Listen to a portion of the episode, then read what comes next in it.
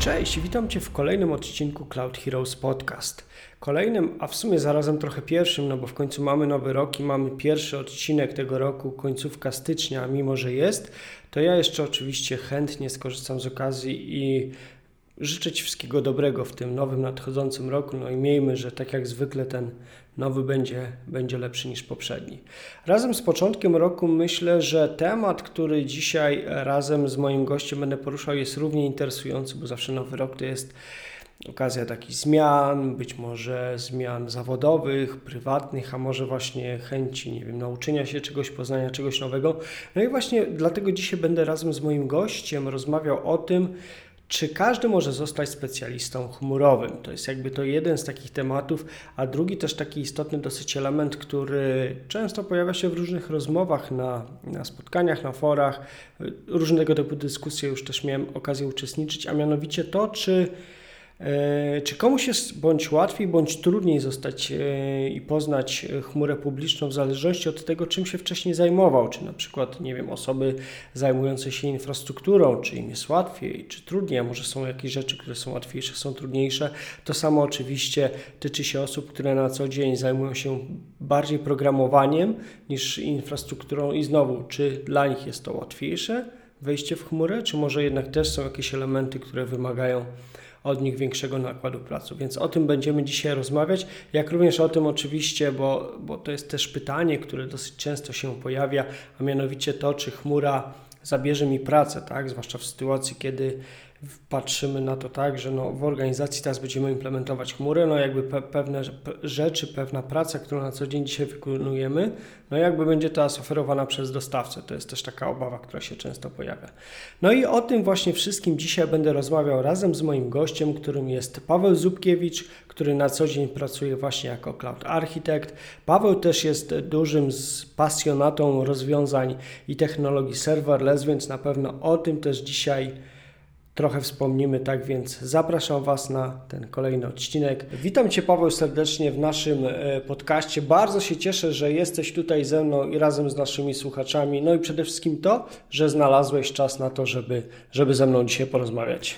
Dzień dobry, witam naszych słuchaczy i witam Ciebie Łukaszu. Przy okazji bardzo dziękuję za zaproszenie. Super, Paweł, słuchaj, zanim zgłębimy się i wejdziemy już w temat naszej dyskusji, to jeszcze może krótko byś trochę opowiedział o sobie, czym na co dzień się zajmujesz, jaka też jest Twoja ogólnie historia i z całą branżą IT, i z tym, czym zajmowałeś się wcześniej i też tak pokrótce, chociaż briefowo, jak doszedłeś do tego, że no, jesteś tutaj dzisiaj, gdzie jesteś i zajmujesz się tym, czym się zajmujesz, o czym oczywiście zaraz sobie też jeszcze głębiej rozwiniemy. Okej, okay, obiecuję, że postaram się być bardzo zwięzły w tej opowieści. A, więc no, z nowym rokiem to już chyba 15 rok pracy zawodowej. Aczkolwiek jak sobie tak popatrzę, kiedy pierwszego peceta kupiłem, czy tam dostałem jeszcze jako dzieciak, to było w wieku 15 lat i już wtedy rozpocząłem e, naukę programowania na własną rękę. Więc no, tym IT zajmuję się większą część swojego życia a y, zawodowo rozpocząłem jako programista Java. E, później, po paru latach, e, ogólnie rzecz biorąc, po to, żeby mieć w swoim rozumieniu większy wpływ na dostarczane rozwiązania dla, dla klientów, przeszedłem e, do pracy jako analityk biznesowy i, i systemowy, czyli zająłem się definiowaniem wymagań razem z klientami i projektowaniem do pewnego stopnia e, systemów, takich, które by realizowały te wymagania i potrzeby klientów. I tak, tak sobie trwałem. Później miałem jeszcze trochę, e, trochę wspólnego z architekturą korporacyjną, pracując przy, przy pewnym projekcie, albo nawet dwóch. No i tak mocno skracając, koło roku 2016 zacząłem się zastanawiać, co dalej robić ze swoją karierą, bo jakby zacząłem dostrzegać, że bycie analitykiem e, to jest trochę w moim rozumieniu ślepy zaułek, albo po prostu zaczęło mi się to trochę nudzić. Ta robota już nie była dla mnie e, wyzwaniem, że tak powiem. No i patrząc na to, co się dzieje na, na świecie wówczas, stwierdziłem, że no jedyny kierunek pewnego rozwoju to jest chmura. Ja do roku 2016 e, nie używałem chmury praktycznie nigdy jako osoba techniczna, tylko ewentualnie jako klient. No i od tego roku 2016 zacząłem inwestować swój, swój czas i rozwijać się w chmurze. W roku 2018 um, zacząłem pracować jako architekt e, rozwiązań chmurowych mhm. w chmurze AWS. Co też ważne, moja pierwsza styczność z chmurą e, też się zaczęła od razu od serverless i to była taka miłość od pierwszego wejrzenia. Ja ten serverless znalazłem po to, aby móc zrealizować swój taki projekt po godzinach. Razem z kolegą e, z ówczesnej pracy e, mieliśmy taki pomysł, żeby zbudować e, aplikację SaaS, taki nasz własny, własny startup. I serverless okazał się być technologicznym rozwiązaniem, który pozwolił nam dostarczyć taką aplikację SaaS przy bardzo niskich kosztach, co było niezmiernie ważne, jeżeli się nie miało budżetu ani inwestora i nie chciało się mhm. palić powiedzmy własnych pieniędzy no tak. na taki hobbystyczny projekt. Więc y, od kilku lat zajmuję się, podsumowując, od kilku lat zajmuję się e, chmurą AWS, pracuję jako architekt, e, projektuję rozwiązania oraz zajmuję się e, ich dostarczaniem i dbam też o to, żeby one mm, działały w odpowiedni sposób, czyli powiedzmy takie wszelkie działania operacyjne, które dla moich klientów trzeba realizować, to też wchodzą w zakres moich obowiązków. Rozumiem. No jak też, e, jak Cię dobrze znam, no to też od pewnego dłuż, w sumie dłuższego czasu, prawda, rozwijasz no też społeczność, tak, e, skupioną właśnie wokół jakby szerzenia i wiedzy i świadomości tego, czym jest w ogóle serverless, jak do tego podchodzić, jak się tego używa w ogóle, co, co, co, co można z tym zrobić, prawda? Tak, to, to nawet e, z, pamiętam dokładnie, E, z kolegą, e, z którym robiliśmy tą aplikację tego własnego SASa. Mhm. To w pewnym momencie, jak przyszło takie zwątpienie, że niekoniecznie to się uda biznesowo i może to jest strata czasu, i faktycznie biznesowo ten projekt w ogóle poległ, ale ja mu powiedziałem: Nie ma się co martwić, chociaż się nauczymy serverless i, i to nam dużo da, i również jakby chmury. I faktycznie dokładnie tak się stało.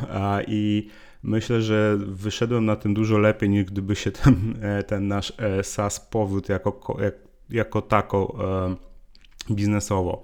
A jeśli chodzi o serverless, no to jest takim serverless Polska, to jest naturalnym następstwem tego, że ja zawsze jakby lubiłem się dzielić wiedzą i zanim zacząłem pracować w chmurze, to jako programista Java to organizowałem, współorganizowałem E, Wrocław Java, e, Wrocław Jack, czyli Java User Group e, w naszym mieście. I to mi tak zostało, że, że lubię się dzielić tą wiedzą i ten blog myślę, że, że był taki na, najprostszym medium do tego, żeby się, żeby promować serverless w Polsce.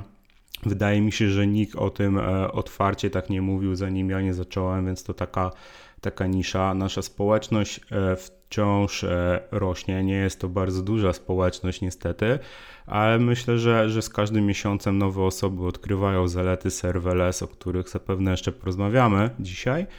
Um, więc y, faktycznie to, to jest jakby moje hobby i to mi sprawia frajdę, że jestem w stanie e, pomagać innym, bo, bo wierzę w to, że po prostu praca z serverless jest y, fajniejsza niż praca w starszych technologiach. I nie dlatego, że one są starsze, a serverless jest nowy, mhm. tylko dlatego, że dużo rzeczy, które są powtarzalne, żmudne i nudne, e, w serverless jest przerzucone na dostawcę i my jako programiści się e, nie musimy tymi e, aspektami martwić. No dokładnie. Słuchaj, Paweł, tak, mamy w sumie świetną okazję do takiej rozmowy, trochę pozastanowienia się, co dalej i trochę powspominania, myślę, że podsumowania krótkiego gdyż no jesteśmy, jest, jest styczeń, jest początek nowego roku, za nami, za nami 2020 rok, no dosyć burzliwy rok, wszyscy wiemy dlaczego.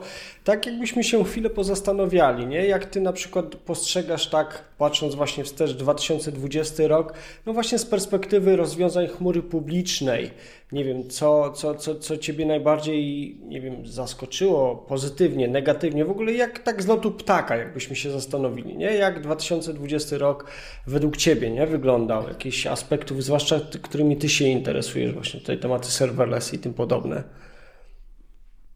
Okej, okay. ja sobie pozwolę jeszcze na taki ogólny komentarz, że e, chmura prze, przez pandemię i przez to, że wszyscy musieliśmy siedzieć w domu, mhm. stała się nie, nie, niezwykle popularna e, w rozum... znaczy społeczeństwo mhm. ogólnie zrozumiało, do czego ta chmura może być przydatna i że ona faktycznie działa. I tutaj przede wszystkim chodzi mi o aplikację Zoom, później też e, Microsoft z MS Teams mhm. ze swoim komunikatorem się pojawił i te aplikacje, a szczególnie Zoom, e, właściwie wszyscy już je znają, tak? Weszły do, do potocznego języka, tak jak wcześniej e, funkcjonował Skype. No tak. Więc ja myślę, że to jest na, największy sukces chmury w 2020 roku. Tak ogólnie. Wiadomo, że to też jest sukces tych obydwu firm, że, że zrobiły bardzo dobre aplikacje, ale ogólnie społecznie, tak? Ludzie już jakby ta, ta chmura, która była totalnie niezrozumiałym konceptem, chociaż się jakoś tak urzeczywistniła w czymś konkretnym, co daje ludziom po prostu wymierną wartość jak e, kontakt z innymi ludźmi. Więc to, to taki ogólny komentarz. Mhm. A, a w świecie serverless pojawiło się e, sporo ciekawych rzeczy.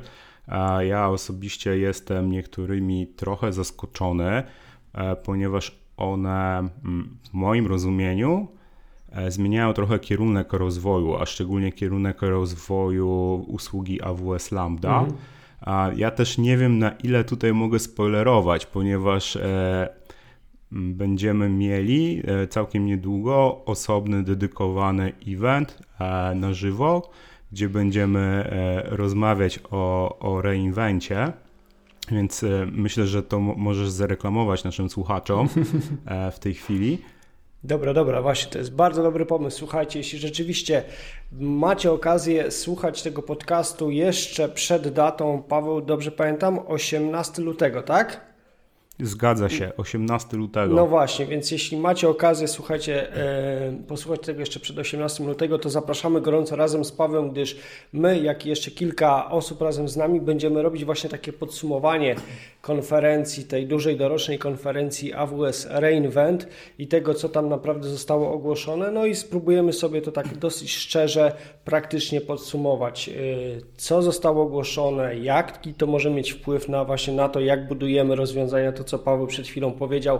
Link do tego spotkania na pewno będzie też po nagraniem podcastu, tak więc 18 lutego, godzina 18.30 zapraszamy z Pawłem. A tutaj Paweł zostawmy teraz jeszcze takich trochę już tylko smaczków. Big Picture będzie dopiero na tym evencie, nie? Dokładnie. Ja bardzo e, liczę na ciekawe rozmowy i na konfrontację, e, ponieważ to nie będziemy tylko my w dwójkę, będzie nas w sumie pięć osób na żywo, więc prawdopodobnie e, wiadomo, gdzie, gdzie aż tylu Polaków, to przynajmniej będzie z 10 różnych opinii na każdy temat. No A, więc ja się nie mogę doczekać tego. A tutaj tylko taki mały, mały teaser. Więc y, pojawiło się sporo nowych e, aktualizacji wokół e, AWS Lambda. No i jedna z najpowszechniejszych to jest e, zmniejszenie czasu, kiedy, za który płacimy. To znaczy wcześniej funkcja lambda była rozliczana do najbliższych 100 milisekund, mhm. czyli jeżeli funkcja trwała 103 milisekundy, to i tak była naliczona jako 200 milisekund i to zostało zmienione do 1 milisekundy. To zupełnie nie jest techniczna zmiana, to jest moim zdaniem zmiana księgowa, natomiast ona e, z miejsca została wdrożona wszystkim klientom i wszyscy na tym e, klienci zaoszczędzili, ponieważ e, teraz już co do milisekundy pojedynczej płacą za, za to, ile używają funkcji lambda. Też się pojawiło kilka aktualizacji, o których dokładniej powiemy na wymienionym wcześniej evencie, które spowodowały, że funkcje Lambda mają do dyspozycji dużo więcej mocy obliczeniowej, dużo więcej pamięci e, i też e, możemy umieszczać w nich obrazy Dockera, czego wcześniej e, nie mogliśmy robić. I to są zmiany, które pozwalają prosty albo dużo prostszy niż do tej pory sposób, na przykład e, używać funkcji lambda e, w zadaniach machine learningowych, ale również innych, e, gdzie potrzebujemy właśnie takich charakterystyk. I myślę, że, że te zmiany, plus jeszcze kilka innych, o których już nie, nie będę teraz wspominał, one jakby pokazują potencjalnie nowy trend. Ja zakładam, że oczywiście to wszystko strategicznie zostało przez AWS przemyślane, mhm. dlatego można spekulować o tym, że taki nowy trend będzie, że Lambda się stanie szerszą platformą, że coraz więcej różnych przypadków użycia zastosowań będzie można realizować na, na funkcjach Lambdy i to będzie taka bardziej uniwersalna platforma niż do tej pory.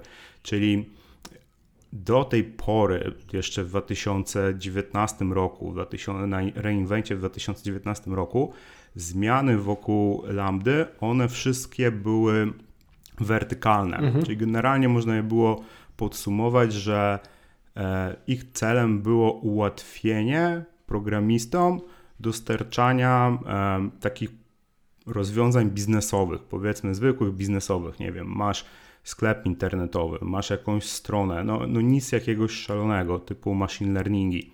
A, a w tym roku już ta, ten rozwój właśnie nie jest wertykalny, że ułatwiać tylko jeden use case, mhm. który jest moim zdaniem nadal bardzo popularny i dominujący, ale mm, dostosowanie lambdy do kolejnych. I to, to myślę, że jest jakby największa zmiana mm, w obrębie serverless, przynajmniej na AWS e, w ubiegłym roku. Mm -hmm. Dokładnie, wiesz, ja też zgadzam się z tym, co powiedziałeś w ogóle też na samym początku, że taki w ogóle ten e, shift, nie, który no wiadomo nastąpił z racji pandemii i to widać jakby właśnie w różnych obszarach, tak? No tutaj nie da się ukryć, że te narzędzia właśnie do wszelakiej współpracy, kolaboracji, chociaż po polsku kolaboracja to źle się zawsze kojarzy, ale jakby no ogólnie do tematów, prawda, współpracy, no zyskały, zyskały jakby na popularności, one też dosyć mocno zaczęły się rozwijać, nawet nie, niektórym ta popularność na początku jakąś czkawką wydajnościową się odbijała, no ale jakby udało się to w miarę też też szybko pozbierać. Z drugiej strony to, co też ja dostrzegam, to jest właśnie też taki zwrot y, y, ku temu, że nagle pewne inicjatywy też właśnie przyspieszyły, prawda, wykorzystania tej chmury, no bo właśnie z racji ograniczeń mobilności, dostępności, jakby pojawiły się właśnie wyzwania w organizacjach, które, które dosyć szybko można, by, można było zaadresować y, właśnie rozwiązaniami chmurowymi. Aczkolwiek poszedłbym tu jeszcze krok dalej, że tak naprawdę to też myślę, że dużo e, ogólnie różnorakich usług IT na tym zyskało, nawet wiesz, takich e, nazwijmy to niezbyt skomplikowanych, ale na przykład po prostu jakichś usług hostingowych czy coś, bo nagle duża część, duża masa biznesów, prawda, która do tej pory operowała, nazwijmy to tak stacjonarnie i że tak powiem tak miał ułożony swój proces biznesowy, no nagle musiała się, odnalazła się w sytuacji, w której jakby ta to ten biznes taki bezpośredni, no jakby no, przestał mieć rację bytu w wyniku różnych ograniczeń i no, te biznesy zaczęły, prawda, transformować w kierunku tego, żeby świadczyć swoje usługi, no jakoś w sposób po prostu przez internet, a nie tak bezpośrednio, no nie? Tak, ja, ja myślę, że też jest bardzo dużo takich e, niewidocznych na pierwszy rzut oka zmian. Mhm. Ja przez wiele lat pracowałem dla różnych banków e, jako powiedzmy kontraktor i tam było bardzo ciężko dostać dostęp z zewnątrz. Nawet jakaś mhm. aplikacja do tego, żeby sprawdzić sobie pocztę na telefonie swoim prywatnym, no tak. to zawsze były jakieś e, chore obwarowania. I nagle w ciągu powiedzmy trzech tygodni wszystkie tego typu instytucje na świecie w mniejszym lub większym stopniu musiały zapewnić dostęp nie tylko do poczty swoim e, pracownikom, ale do, do korowych systemów bankowych. I to musiała być e, bardzo ciężka transformacja. Ona zapewne się w większości wypadków e, udała, bo jakoś nie doszły mnie słuchy o jakichś e, dużych czy mniejszych porażkach, mhm. więc to mm, myślę, że, że szacunek dla, dla wszystkich bezpieczników w bankach się też należy. I tam na pewno też zaszły, zaszły takie zmiany właśnie w kierunku chmurowym. No, dokładnie tak, dokładnie tak. Słuchaj, yy, mamy też w sumie yy, dobry moment na to, żeby podyskutować o innym ciekawym wątku, ponieważ ja mam wrażenie, zresztą ty pewnie się ze mną też zgodzisz, że cały czas, jeśli, no zwłaszcza my, osoby, które gdzieś tam w tym, jakby nazwijmy to, świadku chmurowym dosyć mocno się obracamy, też tak jak wspomniałeś i ty i ja też gdzieś tam e, uczę w, uczestniczę w różnych jakby, nie wiem, eventach, wydarzeniach, jakby jakichkolwiek inicjatywach szerzących, szerzących wiedzę. I teraz tak, jakby pojawiają się często tematy, dyskusje tego, nie wiem, komu jest łatwiej do tej chmury na zasadzie, nie wiem, zdobyć kompetencje, rozwinąć się. Patrzymy oczywiście o tych osobach, które tak jak ty, my lata pracowaliśmy już e, w różnych firmach, e, różnymi rozwiązaniami się zajmowaliśmy i teraz tak, przyszła ta chmura już jakiś czas temu i teraz jakby w pewnym momencie następuje taka ta transformacja kompetencji, tak? I takie zastanowienie się, nie wiem, na zasadzie na przykład ja jestem system administratorem, czy mi będzie łatwo, czy ciężko, co powinienem zrobić, żeby no, zacząć pracować z chmurą, tak? To samo myślę tyczy się świata no, programistycznego, deweloperskiego. Pamiętam wiele naszych chyba dyskusji też i wspólnych, komu jest łatwiej, komu jest ciężej. No właśnie Paweł, jak myślisz, jak to jest? Czy, czy jakby każdy może zostać specjalistą od rozwiązań chmury publicznej i czy też według Ciebie na przykład e, dla programistów czy deweloperów jest to coś, co jest trudne, łatwe, wymaga większej, mniejszej ilości pracy. Jak ty to postrzegasz? Nie? Bo w końcu ty też trochę jesteś osobą, która wywodzi się właśnie ze świata programistów, tak, programistycznego, tak, gdzie zacząłeś swoją transformację jakby do tego świata chmurowego. Jak, jak, ty, jak ty to uważasz? Um, tak, e, potwierdzam, że ja byłem programistą. Później tak jak już wspominałem, bardziej analiza mhm. i, i trochę tej architektury korporacyjnej, więc mniej techniczne aspekty, ale w duszy ciągle jestem programistą i prawdopodobnie umrę programistą. E, w każdym bądź razie, e, odpowiadając na Twoje pytanie, ja myślę, że jeżeli ktoś jest zdecydowany poświęcić czas na naukę mhm. i rozwój samego siebie, to on może zostać specjalistą od chmury nawet, nawet w ogóle bez żadnego backgroundu w IT. Mhm. Będzie mu po prostu bardzo ciężko. Chmura nie, nie przyszła z kosmosu i nie jest to technologia od obcych i ona bazuje na, na po prostu historii IT. Więc jeżeli ktoś, ktoś pracował w IT jako programista albo ktoś, kto, kto miał więcej e, wspólnego powiedzmy z sieciami mm -hmm. albo z mhm. infrastrukturą no tak. starego typu, to też mu będzie łatwiej, bo oczywiście te rzeczy się stały wirtualne, e, nie, nie mamy już za dużo sprzętu w chmurze, a ten, który jest, to, to my się nim nie zajmujemy, ale koncepcje w dużej mierze pozostały e, takie same. Więc y, ogólnie myślę, że każdy, kto jest gotowy po prostu poświęcić dużo czasu na, na naukę, jest w stanie osiągnąć swój cel i jakby zmigrować swoją karierę do chmury. I ja dokładnie coś takiego e, zrobiłem. Jakby w krótkim aspekcie, no to mi to zajęło jakieś, nie wiem, no chyba 6 miesięcy do tego, żeby zdobyć pierwszy certyfikat, który jakby mhm. potwierdzał, że już coś wiem a, a w dalszej perspektywie, no to, to można patrzeć na to, że, że zdobyłem pracę w, w tym zawodzie e, i, i dalej się rozwijałem, no to załóżmy, nie wiem, jakieś półtorej roku, więc to mm -hmm, jest ta, mhm. taka perspektywa na moim przykładzie. Ciężko mi powiedzieć, czy, czy u każdego by, by to tyle trwało. E, może być krócej, może być dłużej. Wiadomo, że to zależy, ile czasu ktoś e, poświęci. Jeśli chodzi o ten background, bo to jest bardzo ważny aspekt, mhm. myślę, że programistom może być trochę łatwiej pod tym względem, że na koniec dnia chmura no to jednak jest oprogramowanie, tak? Bo, no bo my nie dotykamy tych aspektów e, technicznych infrastruktury, tak? Natomiast programiści moim zdaniem, szczególnie ci tacy, którzy pracują w dużych korporacjach, oni mają w miarę takie, oni są trochę wyrwani z kontekstu. Mhm. W sensie wiele, wiele osób, moim zdaniem, przepraszam, bo mogę kogoś obrazić, ale będę szczery, ono nie byłoby w stanie uruchomić aplikacji, którą tworzą. To znaczy, no wiadomo, dewelopersko u siebie tam pewnie odpalają w tym Dockerze, mhm, mhm. ale nie mają w ogóle pojęcia, jak to działa na, na produkcji, ile tam jeszcze innych komponentów jest y, użytych i jak to jest na koniec dnia zabezpieczone i jak skomplikowane.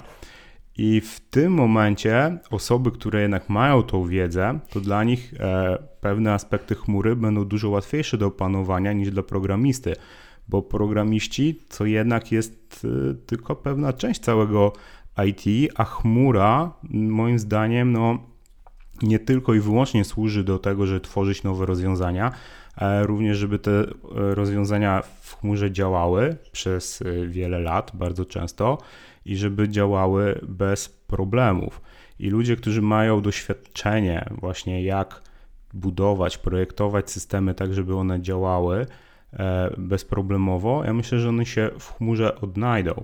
Też są pewne rzeczy, które w ogóle się nie, nie zmieniły, e, bez względu na to, czy pracujemy we własnej serwerowni, czy pracujemy w chmurze.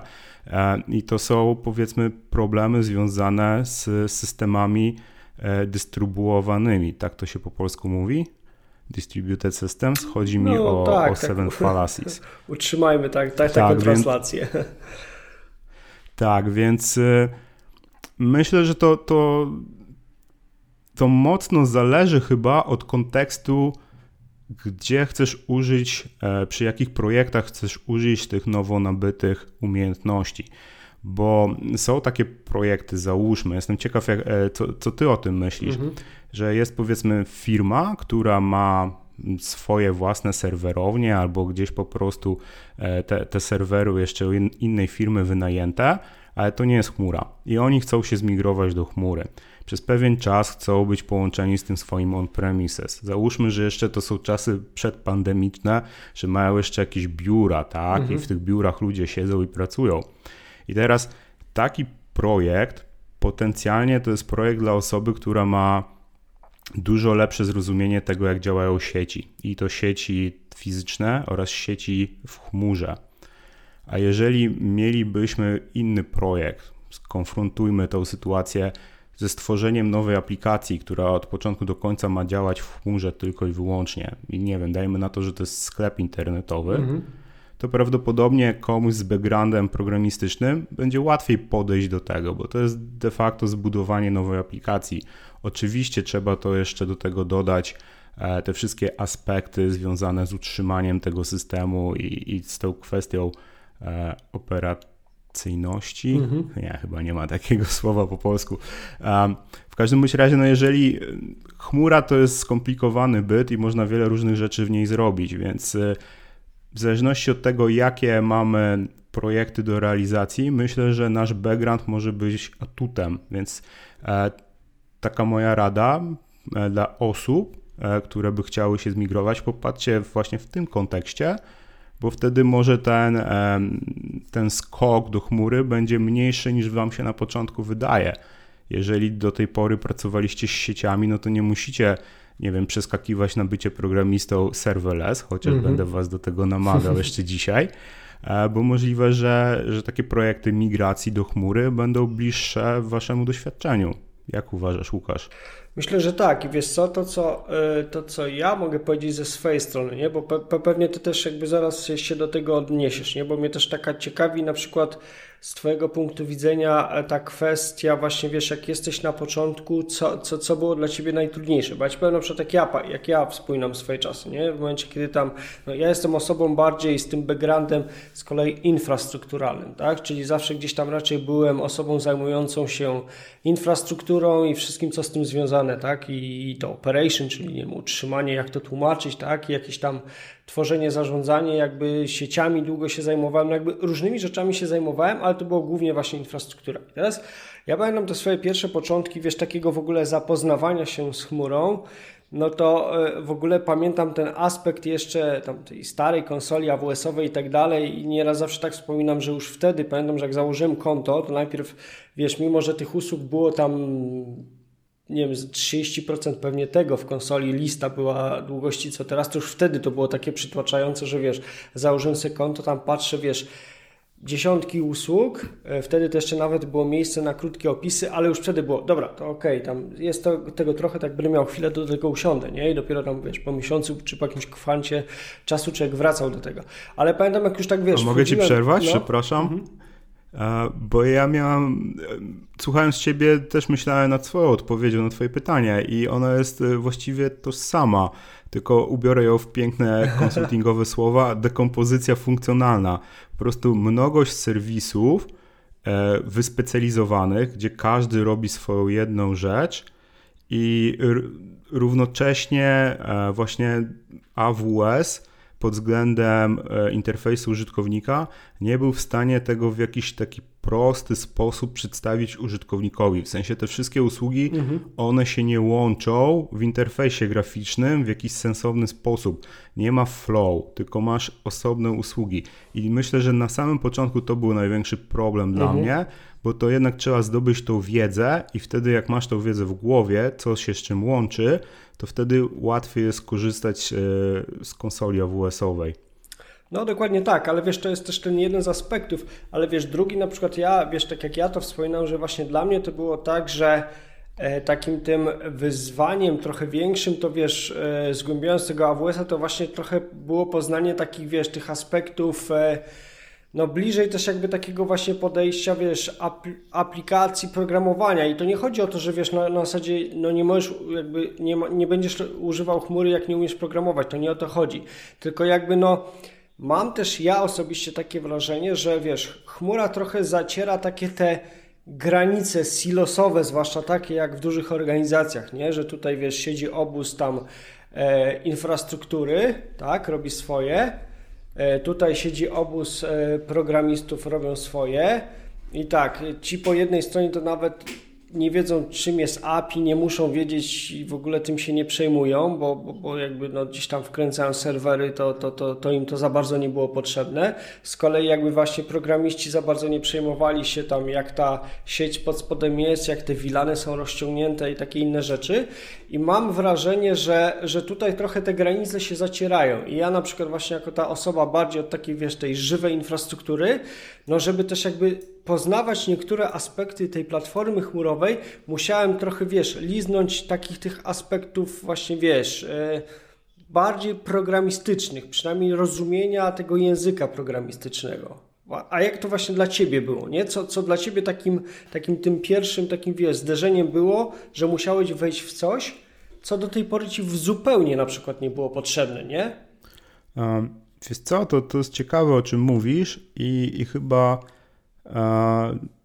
Rozumiem i się z Tobą zgadzam. No, akurat to mnie nie dotyczyło, bo te aspekty programistyczne mi były zawsze bliskie, ale, mhm. ale widzę, że to może być e, problem dla kogoś, kto, e, kto miał inną ścieżkę kariery. Dla mnie z kolei to chyba aspekty sieciowe były, były tym największym problemem. No i coś, co, co, co zawsze chyba będzie, jak dobrze zabezpieczyć te rozwiązania, bo e, mhm. do tej pory najczęściej te aplikacje, które współtworzyłem w różnych zespołach, no to one były deployowane gdzieś on-premise. I tak naprawdę to, mhm. to możemy tutaj zażartować, że one nie wymagały żadnego większego bezpieczeństwa, bo ono było zapewnione powiedzmy tym, że, że dostęp do tej aplikacji fizycznie mieli tylko odpowiedni pracownicy i to był dostęp e, powiedzmy ograniczony sieciowo. Oczywiście to jest zła mm -hmm. praktyka i to tak nie, nie bierzcie tego na poważnie, że tak było do końca, ale to jest inna skala, jeżeli masz świadomość, że do, twojego, do Twojej aplikacji może się połączyć na przykład 2000 pracowników banku, a inna, inna skala, jeżeli każdy w internecie, tak? I masz raczej zakłada, że wśród tych 2000 pracowników banku nie będzie e, osób, które chcą, e, chcą się włamać, natomiast w internecie e, będą, więc ten aspekt też moim zdaniem on zawsze jest, tak, i trzeba, trzeba się po prostu wszkolić pod tym kierunkiem, nie ma innego wyjścia. A, a wracając do Twojego pytania, no to chyba, chyba kwestie sieciowe, z racji tego, jakich miałem klientów, jakie pro, projekty w chmurze oraz również tego, że, że rozwijam się w kierunku serverless i realizuję projekty w kierunku serverless, ja myślę, że, że sieciowcem w chmurze mhm. jestem dość przeciętnym.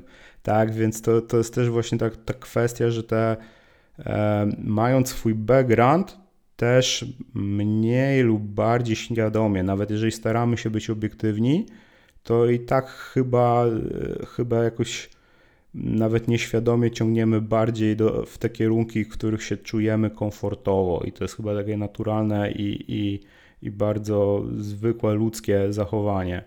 No dokładnie, ale wiesz, to jeszcze wracając do tego właśnie, co powiedziałeś, nie, tych aspektów bezpieczeństwa i zmiany takiego podejścia, nawet właśnie o tym samym, wiesz, rozmawiałem y, z, z Wojtkiem Struskim, nie, gdzie, gdzie rozmawialiśmy o tych aspektach migracji, co on też właśnie powiedział, że, że zmienia się ta percepcja i to spojrzenie na na bezpieczeństwo, prawda? Bo wcześniej to miałeś tak, że miałeś ten on-premises i to ok, jego jak taki wiesz, zamek to dookoła okopywałeś, prawda? Dosyć mocno. Tak, a to jest w ogóle super sprawa, że mówisz o zamku, bo ja też się posłużyłem tym, bo ja się śmiałem, e, ale to akurat w mailach wewnątrzfirmowych, Aha. że to jest zabezpieczenie moim zdaniem średniowieczne. Budujesz mur, mhm E, który powoduje, że osoby niepowołane nie mają dostępu do tego, co jest wewnątrz muru, ale już wewnątrz muru, jak się ktoś przedostanie, to już e, wolna wola i możesz wejść gdziekolwiek i robić co chcesz. No dokładnie, nie? A jednak tutaj jest ta zmiana. Tu już masz takie założenie, że jesteś na raczej po prostu na, na dużym wspólnym podwórku, prawda?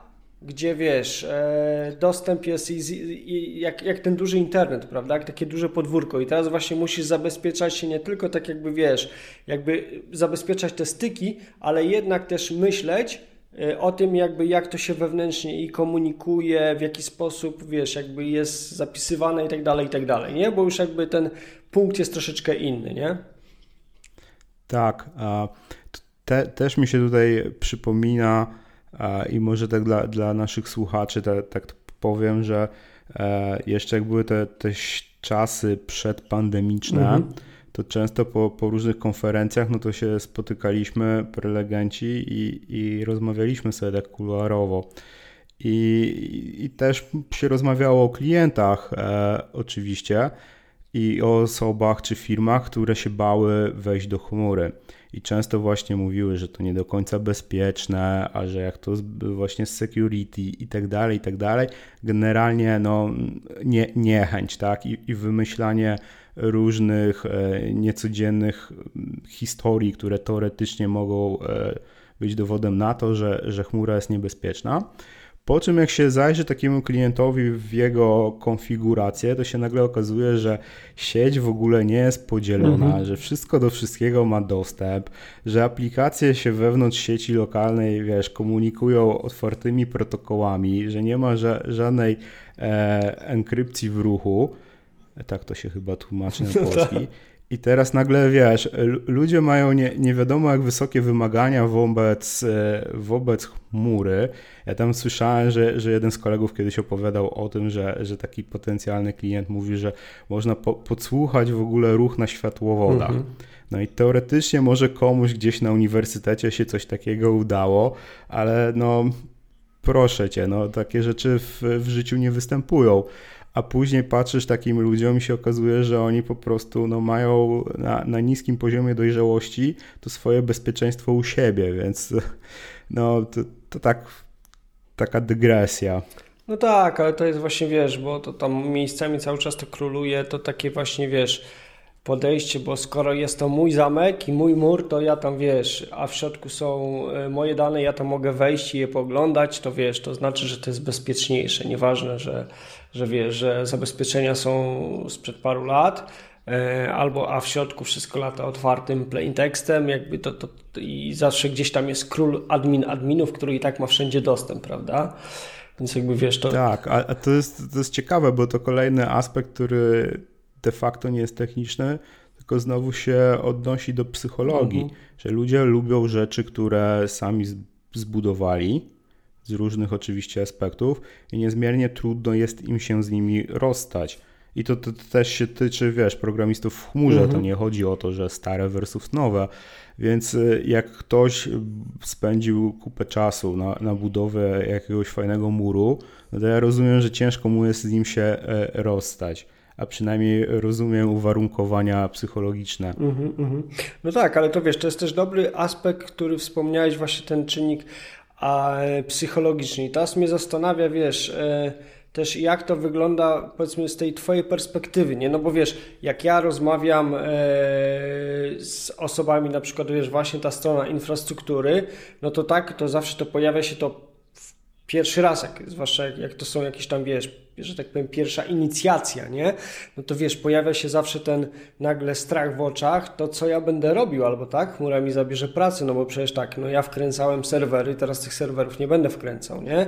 Tam, nie wiem, konfigurowałem sobie e, w jakieś tam wilany czy coś, czy tam, nie wiem, konfigurowałem ten sprzęt sieciowy, tu jest ta sieć, ale tak ona w dużej części jest wyklikiwalna, to być może ktoś bez mojej wiedzy też sobie z tym poradzi. I wiesz, jakby to tu się dopiero zaczyna wyprowadzenie z błędu, nie? Że, że to tak do końca nie jest, że tej pracy takiej nazwijmy też infrastrukturalno utrzymaniowej jest bardzo dużo i chociażby sam aspekt, o którym wspomniałeś już jakiś czas temu, przytaczając tematy y, właśnie jakby infrastruktury, że tam jest y, dużo rzeczy, którymi się trzeba zająć, całą kwestią chociażby połączenia świata on-premises, nie? Jeszcze jak mamy podejście rozwiązań hybrydowych, posetapowania w ogóle tej chmury w sposób, który spełnia jakieś nasze założenia, tak? To, to co się ładnie nazywa tym całym landing zonami. Przecież to są projekty, które przede wszystkim są bardzo złożone w dużych organizacjach, wymagają e, różnych kompetencji też ze strony organizacji, która to będzie, która to jakby wdraża, e, gdzie musimy usiąść, na przykład jak ja pracuję ze swoimi klientami i wiesz, e, gdzieś tam przy, za, przyjmujemy, projektujemy jakieś te założenia w ogóle tego, jak ta chmura ma wyglądać, jak ma być skonfigurowana, jak ma być zapewnione jakieś tematy identity, nie identity, connectivity, to jest bardzo dużo rzeczy, a potem samej pracy no, utrzymaniowej chociażby, im więcej z tej chmury korzystamy, też jest sporo. Jest to trochę inna praca, wymaga troszeczkę rozwinięcia kompetencji, ale no, to nie jest tak, że chmura zabierze ci pracę, nie? A jak to właśnie wiesz, jak to jest z tego strony też programistów, nie? Jak czego, tego świata programistycznego, nie? Jak tu jest postrzeganie na tą chmurę? Jak ty to widzisz? Ja, ja się zgadzam, na początku powiem z tym, e, co, co przed chwilą e, opowiedziałaś i, i wydaje mi się, że dokładnie tak jest i czasem ta, ta zmiana musi być trochę, trochę większa niż troszkę i jeśli chodzi o, o naukę się, no, mhm. nauczenie się nowych e, umiejętności, ale to nie jest tak, że, że ludzie stracą pracę. I jakby już pomijając wszystkie inne rzeczy, które łatwo sobie wyobrazić, to na koniec dnia ktoś, kto pracuje w firmie rok, dwa, pięć czy 15 lat, on ma tak dużą wiedzę na temat tej organizacji, że strata takiej osoby z perspektywy mhm. firmy, oczywiście mówię o, o sensownej firmie z, z sensowną kulturą, e, to będzie bardzo duża strata, więc nikt e, zdrowo myślący nie będzie dążył do tego, żeby nagle wymienić 15-letnich, e, nie wiem, administratorów na juniorów tylko dlatego, że oni mają jeden certyfikat, który sobie zrobili zaraz po studiach. Więc moim zdaniem no tak. obawiać mogą się tylko te osoby, które, nie wiem, 5 lat temu stwierdziły, że ja będę klikał dokładnie do końca życia jedno i to samo. Jeżeli ktoś się nie chce rozwijać, mhm. no to, to jest duża szansa, że, że ta firma faktycznie zabierze mu pracę. Ale to moim zdaniem w IT zawsze tak było i zawsze się to zmieniało i możemy mówić, teraz mówimy o chmurze, ale 15-16 lat temu przychodziła wirtualizacja, tak? I, i wyparła serwery mhm. fizyczne. E, wypa- znaczy zostały, znaczy one pozostały, tak? Ale jakby inaczej z nich korzystamy. I możemy mówić właściwie o tym samym, no że tak. praca tych administratorów, od kiedy mamy wirtualizację, zupełnie inaczej wygląda. I w świecie programistów myślę, że, że, że, są podobne, podobne zasady. Aczkolwiek e, jeszcze raz powiem, że duża część programistów ma ten komfort, że od nich się wymaga tylko tyle, żeby przetestować tę aplikację i, i później oni się już ją, mhm. nią nie martwią. Więc w dużej mierze część z nich może programować, nie korzystając w ogóle z dobrodziejstw chmury to, to jedno. I to myślę, że to są te projekty, w których ty dość często uczestniczysz, czyli takie projekty e, tworzenie właśnie landing zone, migracja niektórych systemów, ale gdzie nie przypisujemy aplikacji. Jeżeli już firma podejmie się mm -hmm. tego, żeby napisać aplikację od nowa, to wtedy powinna moim zdaniem pójść w kierunku cloud native. Ogólnie rzecz biorąc, polega to na tym, aby wykorzystać jak najwięcej gotowych usług, gotowych komponentów od chmury.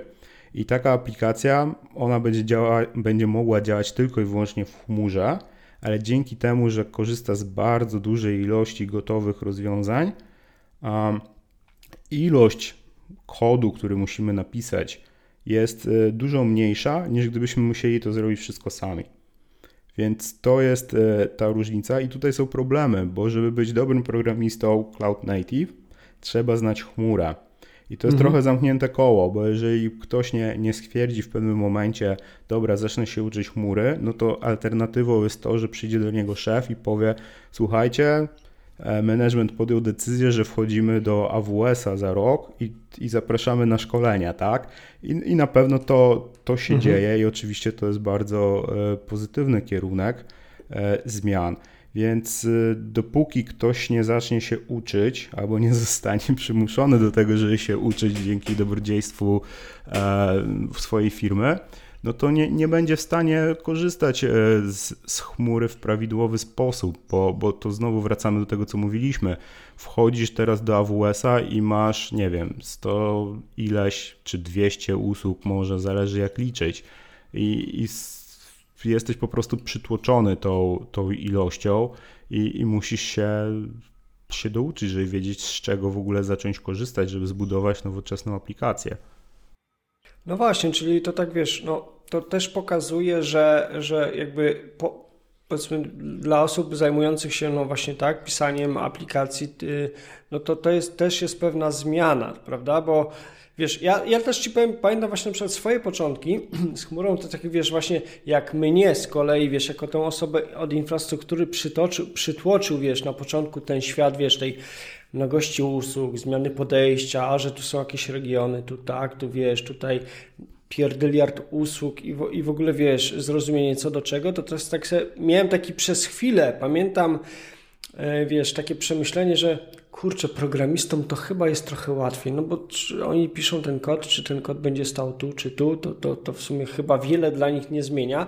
I okej, okay, dopiero wiesz, jakby po, po, pewnym czasie zrozumiałem, że to też do końca tak nie jest właśnie, nie? Jak już teraz mówimy też, wiesz, o tym podejściu, że teraz ok, piszemy aplikację w jakimś podejściu Cloud Native, będziemy bardziej korzystać z usług i to tutaj też wymaga dużego takiego też zmiany mindsetu, nie, w podejściu, bo wiesz, przytoczę Ci też na przykład właśnie przykład jednego z moich projektów, gdzie tam no, wspierałem też właśnie jakąś firmę, która wiesz, miała z jednej strony, e, tak, był klient, wiesz, była firma, która e, pisała e, jakąś tam, wiesz, nową, nową aplikację, tam nowy sklep czy coś, wiesz, internetowy i teraz wiesz, y, tak, z jednej strony klient ciągnął, żeby to było właśnie, ok, chmura to raz, dwa, żeby wiesz, usługi to były, robione to było na usługach, żeby wiesz, jak, jak najdalej odchodzić od, wiesz, od infrastructure as a service, żeby mniej tego takiego, wiesz, tak. operation daily było i tak dalej, a z drugiej strony właśnie ta, wiesz, była firma programistyczna, która była przyzwyczajona od lat Y, wiesz, do pisania aplikacji, które tam po prostu stały na jakichś VPS-ach, wiesz, na wirtualnych maszynach, na które, wiesz, oni się logowali po SSH,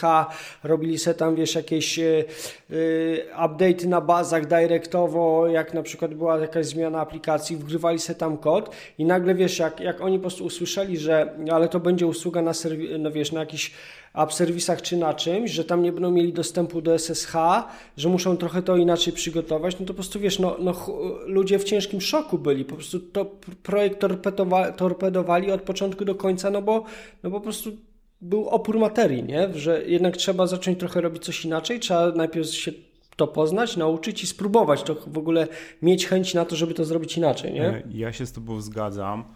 I je, jest coś takiego, no, jak się po, poczyta w internecie, że no niektóre projekty są zagrożone albo nawet wręcz się nie, nie udają, właśnie ze względu na, na te tarcia z zespołem.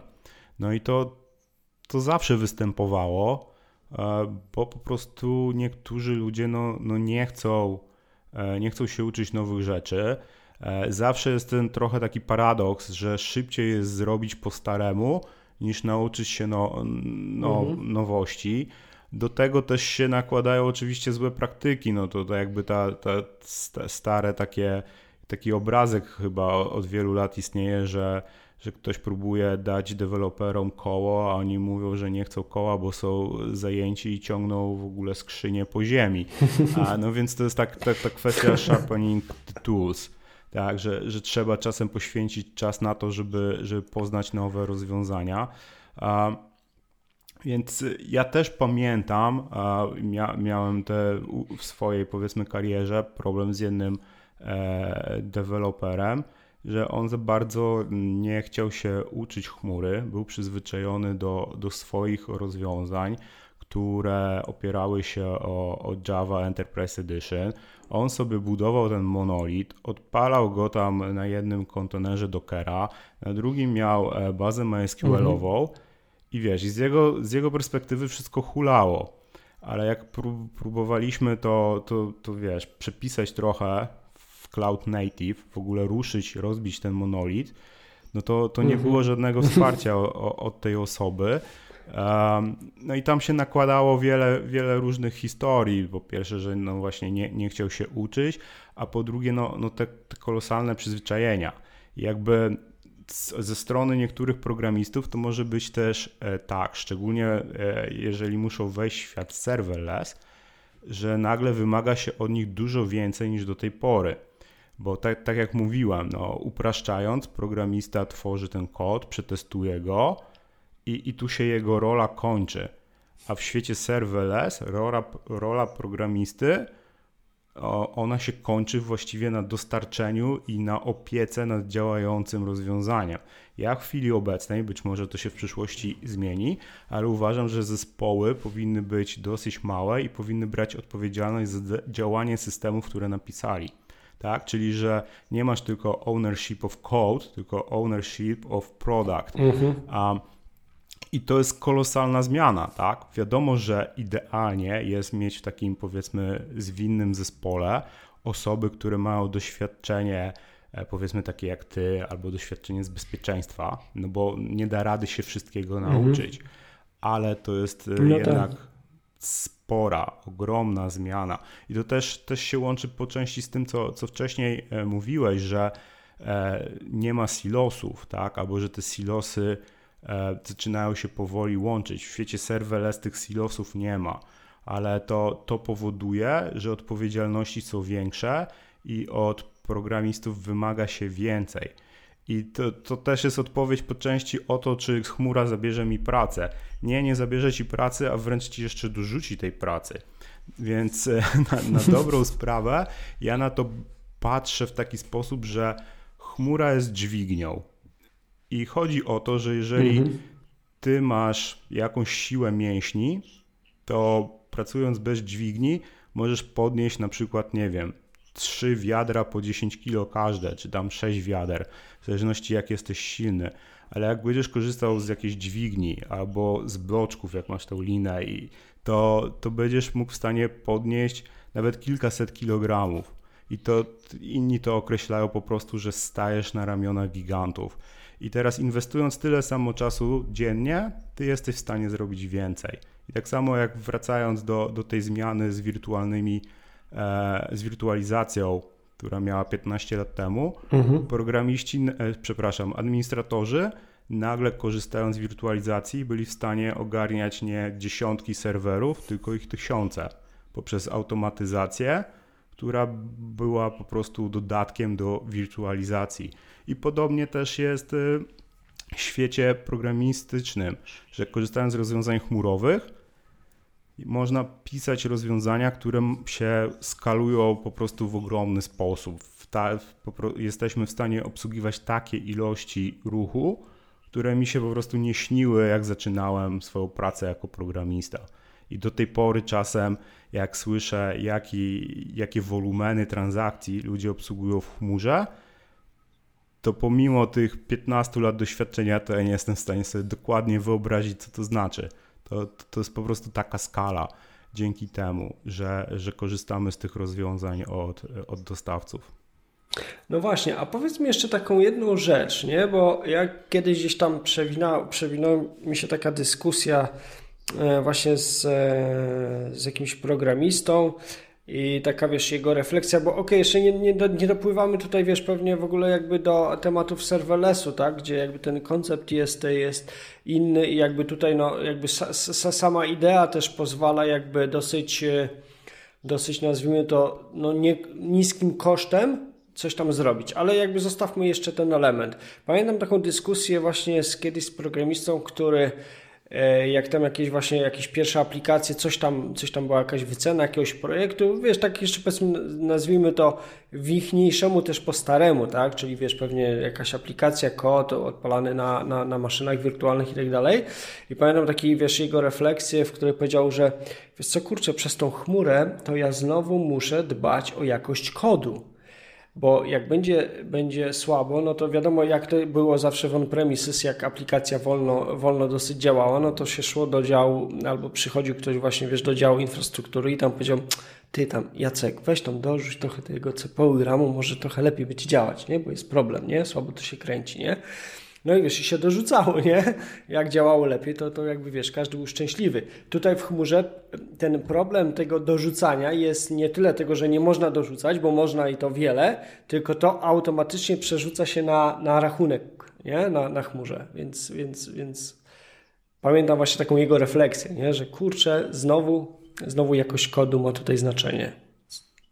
Tak, e, ma, ale to, to też e, znowu pod kątem wolumenu transakcji. E, ja sam mam takie przykłady w swoich aplikacjach, gdzie funkcja lambda jest napisana w sposób nieoptymalny, mhm. natomiast ona relatywnie tak rzadko się wykonuje. Tam działa powiedzmy, nie wiem, mhm. kilkanaście razy na godzinę się uruchamia że nawet gdyby mi się udało zoptymalizować o 70%, to na koniec miesiąca byśmy zaoszczędzili, nie wiem, dolara czy dwa. Natomiast też są takie case'y, jeżeli masz, e, wiesz, miliony uruchomień e, danej funkcji na godzinę, mhm. to wtedy opłaca się inwestować, e, żeby oszczędzić. I już krótko się wypowiadając, pięknem chmury jest to, że masz informacje o wolumenie i o kosztach tej funkcji lambda, więc możesz w ogóle siąść e, z kimkolwiek, kto nie jest w ogóle ze świata IT i on po prostu analizując prostą tabelkę powie ci, gdzie powinien zainwestować swój czas, bo zaoszczędzisz. Więc to, to też ułatwia kontakt e, powiedzmy z osobami e, z finansów i co jest plusem niesamowitym, wreszcie my programiści mamy życiowe dane i, i wręcz fakty, którymi możemy operować, mówiąc: Słuchajcie, trzeba walczyć z długiem technologicznym, trzeba zrobić jakiś refactoring, bo tutaj palimy pieniądze niepotrzebnie. Mm -hmm. No właśnie, nie? Słuchaj, Paweł, to teraz jakby no Jesteśmy przy tym temacie serverlessu, mnie tak trochę nam się to też e, przewija już od dłuższego czasu, tak? No, ty też jesteś dużym jakby e, no, zwolennikiem, promujesz jakby te rozwiązania. No właśnie, jak, jak ty to postrzegasz, tak? Jakby dla, dla, dlaczego właśnie w kierunku serverlessu, nie? Bo jakby dyskusje są, znaczy kierunki, koncepcje są różne, tak? Jakby dzisiaj też dosyć mocno mówi się o jakby, no, że to konteneryzacja jest tym takim trendem, w którym firmy będą szły, mówi się oczywiście o tym, że to też jakby są technologie, które no, współmiernie mogą być wykorzystywane w zależności od podstaw. Jak ty z kolei na to patrzysz? Nie? Jak, jak według ciebie? Co jest takim driverem i motywacją? Czy, czy uważasz w ogóle tak, że to pójdzie w ogóle w kierunku no, serverless jakkolwiek definiowanego, nie? Bo jakby definicje też na ten temat są różne. Nie? Jak, ty, jak, jak ty to widzisz? Wiesz, no, ja jestem przekonany całym sercem, że serverless e, zyska e, na popularności. To znaczy, że będzie jakby jednym z podstawowych rozwiązań, nie jedynym, bo to nie mhm. jest e, srebrna kula na wilkołaki, która rozwiązuje każdy problem, więc nie do wszystkiego się serverless nadaje na chwilę obecną i docelowo też nigdy nie będzie do, do wszystkiego. Natomiast historia pokazuje, że coraz więcej różnych e, rozwiązań jesteśmy w stanie e, na tym serverless e, postawić i one się technicznie dobrze sprawują oraz również kosztowo są tańsze mhm. niż porównywalne rozwiązania. Już nie pamiętam kto zrobił, ale jakaś uczelnia zrobiła takie badanie, że wzięli jeden projekt, za, zaimplementowali na powiedzmy tych klasycznych chmurowych rozwiązaniach, czyli powiedzmy serwery mhm. i, i serverless. I tam chyba wyszło 40% taniej na serverless i to przy dużej skali. Mhm, mhm. A więc e, to są na to dowody, tak? Wręcz po prostu publikacje na, naukowe. A Kolejna rzecz to, to taka ważna, że dla, dla, osób, które może nie wiedzą, czym jest serverless, no to żeby mówić o tym, że coś jest serverless, no to musi spełniać takie cztery podstawowe warunki. I pierwszym z nich jest to, że nie trzeba tworzyć ani zarządzać infrastrukturą. I mhm. to oczywiście ma plusy, bo oszczędzamy czas, bo nie trzeba czegoś robić a oszczędzamy również czas, operacyjnie oszczędzamy czas, ale też oszczędzamy czas przy planowaniu i ty będziesz akurat doskonałą osobą i to pewnie potwierdzisz, ile pracy trzeba włożyć w to, żeby dobrze zaplanować sieci, tak, nawet na proste, nie, nie mówię nawet o, o tym landing, landing zone w chmurze, ale nawet pod zwykłą aplikację serwer, serwerową, ile trzeba pracy włożyć, żeby zaprojektować sieć, E, do, do takiego mhm. rozwiązania. A więc tutaj mamy ogromne zyski, bo nie musimy tego, tego robić. Druga charakterystyka serverless to jest to, że rozwiązanie jest skalowalne, że usługi serverlessowe się skalują i nie musimy w specjalny sposób, nie wiem, tworzyć jakichś klastrów, innych takich rzeczy. To, to nam dostarcza od razu e, dostawca chmury. Więc oczywiście my też musimy wiedzieć, jak odpowiednio zaprojektować i wykorzystać te usługi. No to, to wiedza jest oczywiście wymagana zawsze, ale no, jeżeli wiemy, jak z, z tego korzystać, to ta skalowalność jest. Kolejna rzecz, usługi serverlessowe są wysoko dostępne, to znaczy, że nie musimy się obawiać tego, że, że nagle coś przestanie działać i, i nasz system, który korzysta z tych usług, też przestanie działać. One są wysoko dostępne e, w obrębie jednego regionu, czyli jakby już nie, nie mamy tej koncepcji stref dostępności, availability zone, tylko po prostu regionowo mówimy, że one są wysoko dostępne. Więc dopóki e, cały region mm, nie przestanie działać, to nasz system też będzie działał. No i oczywiście są bezpieczne i są bezpieczne e, poniekąd też dlatego, że my nie musimy się e, zajmować aż do momentu włącznie systemu operacyjnego bezpieczeństwem, a właściwie nawet runtime'u, bo AWS dba o to, żeby na przykład była odpowiednio zabezpieczona wersja e, naszego runtime'u, nie wiem, jeżeli używamy JavaScript to Node.js, czy tam odpowiedniej wersji Pythona i tak dalej.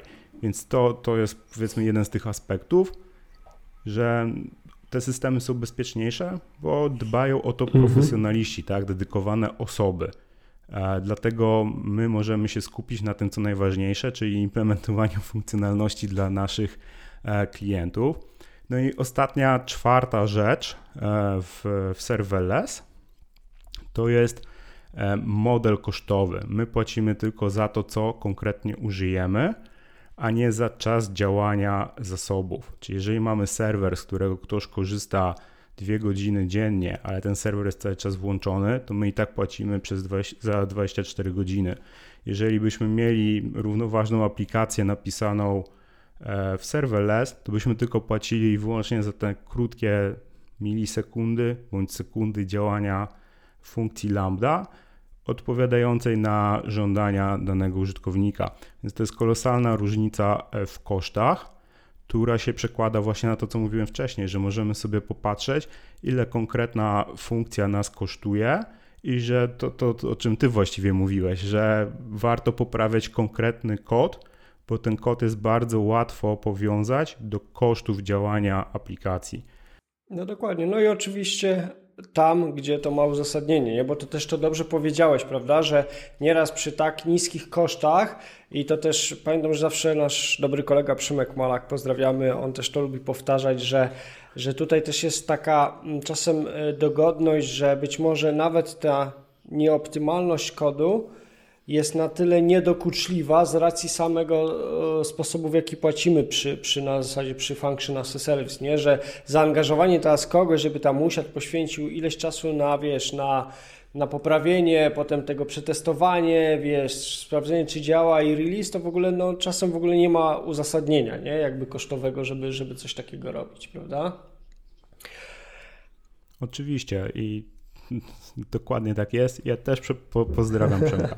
Słuchaj, a powiedz mi, bo ja mam też takie wrażenie, że właśnie też już tak trochę nastąpiła taka e, korekta w ogóle tego, jak się powinno myśleć o serverlessie, nie? Bo zobacz, to tak kiedyś na początku, jak tam no, pojawiły się funkcje lambda, tak, function as a service, przez chwilę się głośno krzyczało, że serverless to jest funkcja lambda i tak dalej, nie? Ale właśnie to jest troszeczkę inaczej i to, co ty zdefiniowałeś, to jakby opowiedziałeś, te, te, te, te kluczowe charakterystyki właśnie to pokazuje, że to nie jest tylko funkcje, tak, że pisanie aplikacji tylko umieszczanych w funkcjach, ale tak naprawdę właśnie to, że nie masz, y, masz jakby jak najmniej bądź coraz mniej infrastruktury do utrzymania. I to też mam wrażenie, że widać, wiesz, po innych jakby usługach, rozwiązaniach, które też jak AWS jakby i rozwija, czy usprawnia, bo moim zdaniem to jest, zobacz, już nawet śmiałbym powiedzieć, że zaczyna się zacierać y, ta granica, o której się mówiło, niby takiej wojny świata mm, konteneryzacji versus lambdy, bo to już tak naprawdę dosyć, zobacz, mocno się przenika, tak? Bo w samych lambdach możesz odpalać, nie wiem, po prostu imidże dockerowe, tak? Teraz tak naprawdę też te usługi w ogóle dla rozwiązań kontenerowych, one też stają się coraz bardziej serverless, tak? No bo nie wiem, weźmiesz ECS-a do zarządzania jakby środowiskami kontenerowymi i teraz możesz mieć klaster, który jest oparty o serwery, albo jest klaster oparty o Fargate'a bezserwerowy, tak? I zobacz, to można Ci powiedzieć, że staje Ci się serverless. EKS czyli Kubernetes, tak, as a service, też trochę dąży w tym kierunku, no bo już ten, y, ta warstwa zarządzająca control plane'a jest właściwie no, usługą i możesz tak jakby już mieć cluster worker nodów, jakby no z jakimiś tam konsekwencjami być może, bądź wyzwaniami e, funkcjonalnymi, ale też możesz mieć w modelu już takim no bezserwerowym, czyli mam wrażenie, że też te granice już trochę się też zacierają i, i to, ta koncepcja po prostu już dąży do tego, że to nie o to chodzi, czy to jest w kontenerze, czy to jest Kubernetes, czy coś innego. Chodzi o to, że całe rozwiązanie po prostu przestaje mieć serwery do zarządzania pod spodem. Świetnie to podsumowałeś i faktycznie ja tłumacząc definicję, czym jest serverless, trochę pominąłem to pytanie. Ja, ja się zgadzam z tym podsumowaniem, że jakieś 2-3 lata temu to, to była dosyć taka głośna dyskusja w świadku serverless, że tak, taka była może powiedzmy wojna pomiędzy kontenerami a, a serverless. To, to były rozwiązania, które ze sobą konkurowały. Chyba w 2018 roku AWS e, uruchomił usługę Fargate, e, czyli serverlessowe kontenery i to był jakby taki zwiastun tej zmiany, która właściwie została przypię przypieczętowana e, no, miesiąc temu na reinwencie 2020, czyli właśnie możliwość uruchamiania obrazów Dockera w funkcjach Lambdy. Więcej nie będziemy spoilerować, zapraszamy na, na spotkanie 18 lutego, ale y, tak, ja, kolejna rzecz jest też taka, że dopóki no, nie musisz wybrać w jakiej technologii chcesz rozwiązać e, swój, swoją najbliższą e, aplikację napisać, no to jest trochę taka e, jałowa dyskusja, no, co, co jest lepsze. No, często to zależy i nie tylko, nie można tego obiektywnie powiedzmy ocenić teraz na podcaście, bo to też zależy od tego, jaki masz zespół. To jest bardzo ważne, a to, to nie jest czynnik czysto techniczny, tak? To jest twój kontekst organizacyjny. Jeżeli nigdy nie robiłeś w kontenerach i nigdy nie robiłeś w serverless, no to ja zalecam od razu iść do serverless, bo z mojej perspektywy kontenery to jest e, etap przechodni do serverless. Natomiast jeżeli masz świetne doświadczenie i twoje zespoły w ogóle są mistrzami, jeśli chodzi o, o pracę e, z obrazami, chociażby Dockera, macie do tego pipeliny, to łatwiej Wam będzie zostać przy, przy tej konteneryzacji. Więc y, to zależy, tak? No, jak każdy konsultant by, by powiedział.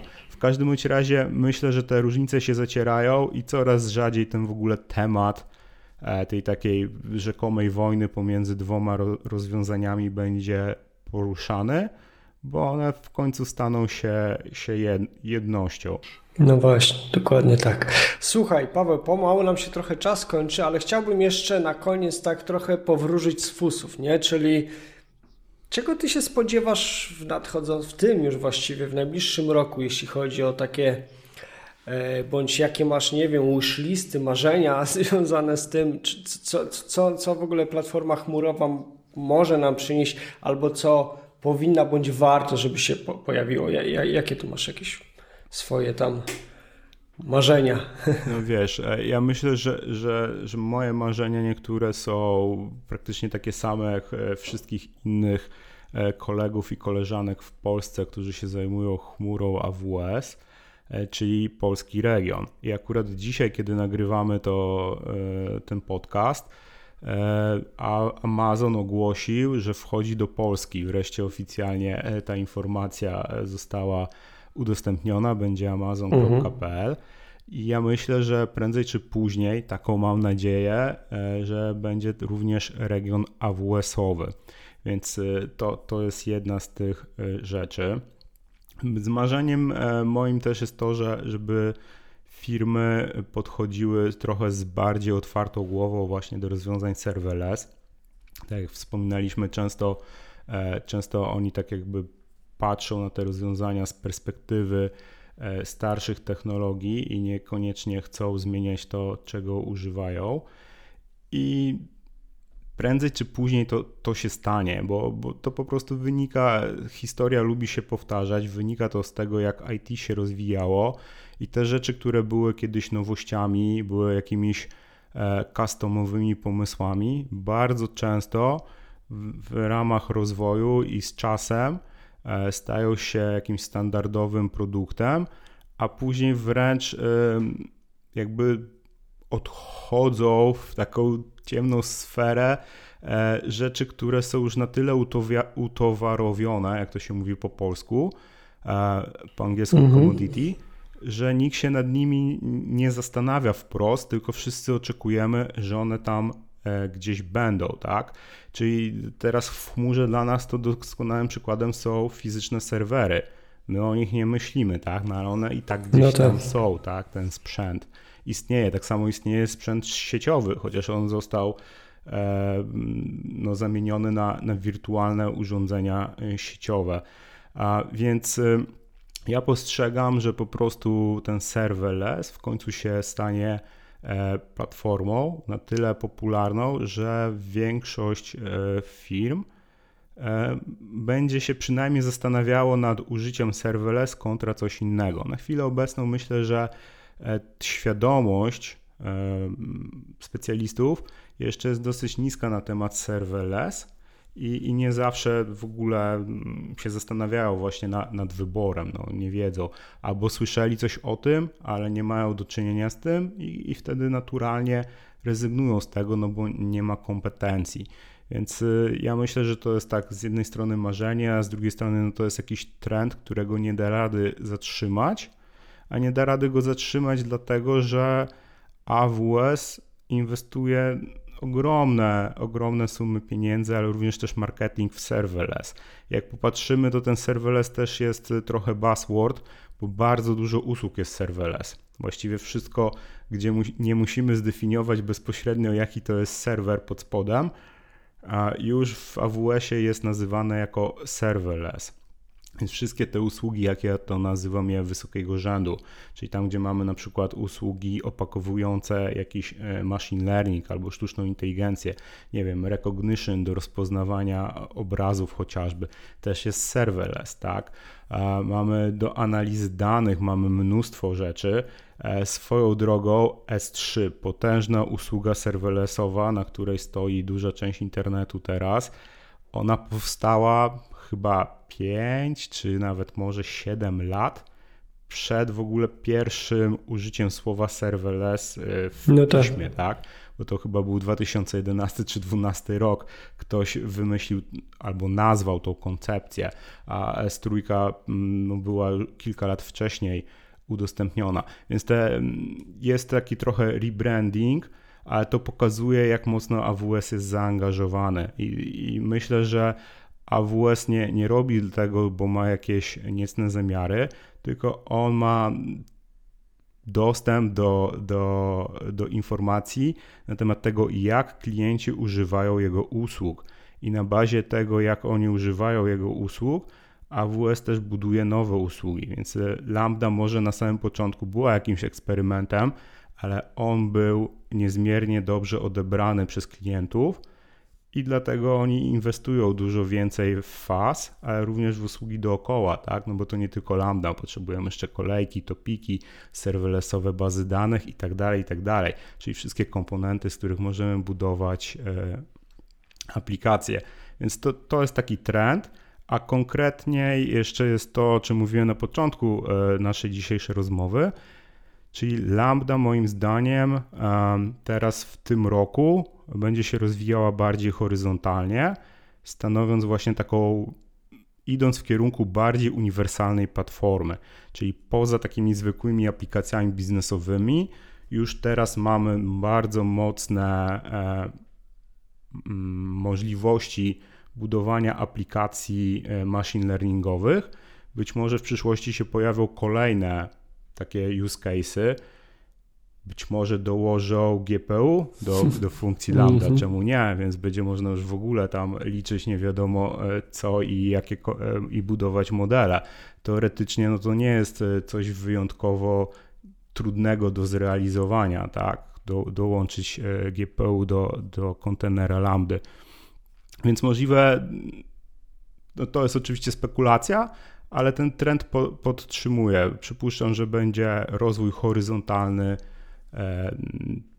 tego całego ekosystemu umożliwiającego budowanie aplikacji cloud. No dokładnie, no i ogólnie kierunek usługi, usługi, usługi. Ja pamiętam, że nawet chyba gdzieś wrzucałem jakiś tak w trakcie e, reinventu, że mm, po którejś tam z głównych kinotów, że w tej chwili najdłuższą, jakby nazwijmy to, mm, listą technologiczną usług w AWS-ie jest tam wszystko wokół AI, nie? Jakby najdłuższa lista usług, jaką AWS oferuje. Nawet management inne już, nawet tam dosłownie tam dwie, trzy, trzy usługi mniej mają. I taki wniosek na koniec, że usługa, jakby ta kategoria compute to gdyby tam nie podorzucać Beanstalka i paru innych rzeczy, bo kiedyś na przykład Beanstalk był jako traktowany jako innego typu usługa, to właściwie prawie by wtedy nic nie zostało poza EC2, nie? jeśli chodzi o usługi typu compute. E, by the way, usługa, w której e, na wczesnej fazie inicjacji chmurowej 95% osób myśli, że tym jest właśnie chmura, prawda? Maszynami wirtualnymi. No dzisiaj wiemy, widzimy, że jakby jest to zupełnie co innego w zupełnie innym kierunku się rozwija, no i to też, to też pokazuje, w jakim kierunku też no, IT całe będzie zmierzało, nie? Tak. A znów się z Tobą zgadzam. Faktycznie, jak ktoś dopiero poznaje chmurę, to, to patrzy na nią tak z perspektywy jakiegoś takiego hostingu, kolokacji serwerów a de facto nie, nie o to chodzi. Chodzi właśnie o wykorzystywanie, o, o stanięcie na, na barkach gigantów, tak? I wykorzystanie tych e, bardziej zaawansowanych e, usług do tego, aby budować jeszcze, jeszcze bardziej zaawansowane rozwiązania w szybszy sposób, tak? No, no i pięknym przykładem jest na przykład Cognito, nie ma sensu na własną rękę budować zarządzania użytkownikami bo to nie przynosi żadnej wartości biznesowej. Nikt nie będzie korzystał z naszego systemu tylko dlatego, że mamy super rozwiązane, nie wiem, logowanie i zmienianie hasła. Tak? Już pomijając to, że każdemu mogę w twarz powiedzieć, że raczej nie zrobi bezpieczniejszego systemu uwierzytelniania niż AWS. No przykro mi, koledzy programiści, ale nie, nie zrobicie tego. Więc no nie ma sensu robić customowych rozwiązań, rzeczy po raz tysięczny, wymyślać koło na nowo, tylko trzeba korzystać z tego, co inni zrobili, na pewno lepiej niż my byśmy zrobili i po prostu iść do przodu i realizować funkcjonalności biznesowe, co nie? No tak, a nie kopać się z koniem i odkrywać koło na nowo, dokładnie tak. Słuchaj, Paweł, e, tak już na naprawdę zakończenie. Jak ktoś by chciał się z Tobą skontaktować, e, gdzie Cię można znaleźć w sieci? Jakby, gdzie jesteś najbardziej aktywny? Jak można Cię namierzyć? Um, serverlesspolska.pl to jest mój, mój blog technologiczny, gdzie, gdzie piszę o serverless już teraz trzeci rok e, się rozpoczął. E, więc tam można poczytać, e, co, co mam e, do powiedzenia na temat tych rozwiązań. Jeżeli ktoś chce ze mną porozmawiać na żywo, to w dzisiejszych czasach będzie mu najprościej mnie złapać na kanale Slacka Świat Chmury. Tutaj z kolei pozdrawiam Karolinę Boboli, która założyła tam kanał i, i opiekuje się naszą społecznością. Jest już jest już nas tam, nie wiem, chyba ze 150 osób zajmujących się chmurą, e, więc polecam dołączyć i zawsze mnie można tam zaczepić. E, również na Twitterze możecie mnie zaczepić. Mój e, handle to jest P. Zubkiewicz. I myślę, że, że to, to są te miejsca. No i na LinkedInie, jeżeli ktoś by chciał, to też mnie może znaleźć. Oczywiście wiadomo, jak zwykle pod każdym odcinkiem e, będą dołączone linki do tych wszystkich e, miejsc, o których wspominał Paweł i o wszystkich innych ewentualnych rzeczach, których też gdzieś tam rozmawialiśmy, wspominaliśmy link do, link do eventu, na który serdecznie zapraszamy, o ile oczywiście drogi słuchaczu bądź słuchaczko słuchasz tego przed 18 lutego, to zapraszamy Cię serdecznie. Ale też y, będzie to nagrane na pewno, więc możesz y, skończyć tego podcasta i obejrzeć sobie nagranie na YouTubie. Dokładnie tak, też też będzie na pewno nagranie, więc, więc gdzieś to da się na pewno znaleźć. Słuchaj, Paweł, bardzo Ci dziękuję za tą e, super rozmowę. E, temat myślę, że no dosyć duży, nie? Te, te kwestie kompetencji, zmian, rozwoju, zmiany mindsetu, wszystkiego to są naprawdę bardzo duże, złożone rzeczy, ale mam nadzieję, że to też udało nam się trochę rozświetlić. E, E, jak to wygląda zarówno z tej strony takiej, no właśnie osób zajmujących się infrastrukturą i też pokazania tego właśnie nie jak nasze doświadczenia, osób zajmujących się programowaniem, jak, jak my przecieraliśmy te, te, te szlaki związane z chmurą, jak do tego można się zabrać, no i przede wszystkim rozwiać te obawy, że yy, to nieprawda, chmura nie zabierze tej pracy, jak pokazują nasze dotychczasowe doświadczenia tej pracy jest dużo, jest jeszcze więcej, a największą zaletą jest to, że tak naprawdę po prostu jesteśmy w stanie dowieść dużo więcej, jakby yy, zobowiązać się do dużo większej ilości rzeczy względem naszego biznesu, nie? Dokładnie tak. Po prostu poświęcając skończoną ilość godzin i korzystając z chmury, jesteśmy w stanie dowieść dużo większe, bezpieczniejsze, szalone i monumentalne rzeczy, niż gdybyśmy nie mieli możliwości korzystania e, z technologii chmurowych. I, I, to jest właśnie kwintesencja tej dźwigni, o której wcześniej opowiadałem. A pracy jest mnóstwo i też na koniec dodam, że jak my szukamy e, ludzi, architektów chmurowych, jest kolosalnie ciężko znaleźć e, osoby. Po prostu wszyscy są na maksa zajęci i po prostu brakuje osób, które mają tą wiedzę, więc y, na pewno chmura nie zabiera pracy, a wręcz y, tworzy nowe możliwości rozwoju. Dokładnie tak. I tym akcentem zakończmy pomału nasze spotkanie. Drodzy słuchacze, bardzo Wam dziękujemy za, za to, że tutaj e, jesteście z nami, że, że spędziliście swój czas na odsłuchaniu naszej rozmowy. Oczywiście ja, jak zwykle, gorąco zachęcam Was i do odsłuchiwania poprzednich e, ciekawych dyskusji. Zapraszam Was oczywiście na kolejne odcinki Cloud Heroes Podcast, a tym razem, tymczasem bardzo serdecznie Wam dziękuję. Tobie, Paweł, jeszcze raz dziękuję za to spotkanie i za to, że znalazłeś czas. Dziękuję, Łukasz, dziękuję naszym słuchaczom i mam nadzieję do zobaczenia gdzieś wkrótce. Do zobaczenia, trzymajcie się gorąco. Cześć.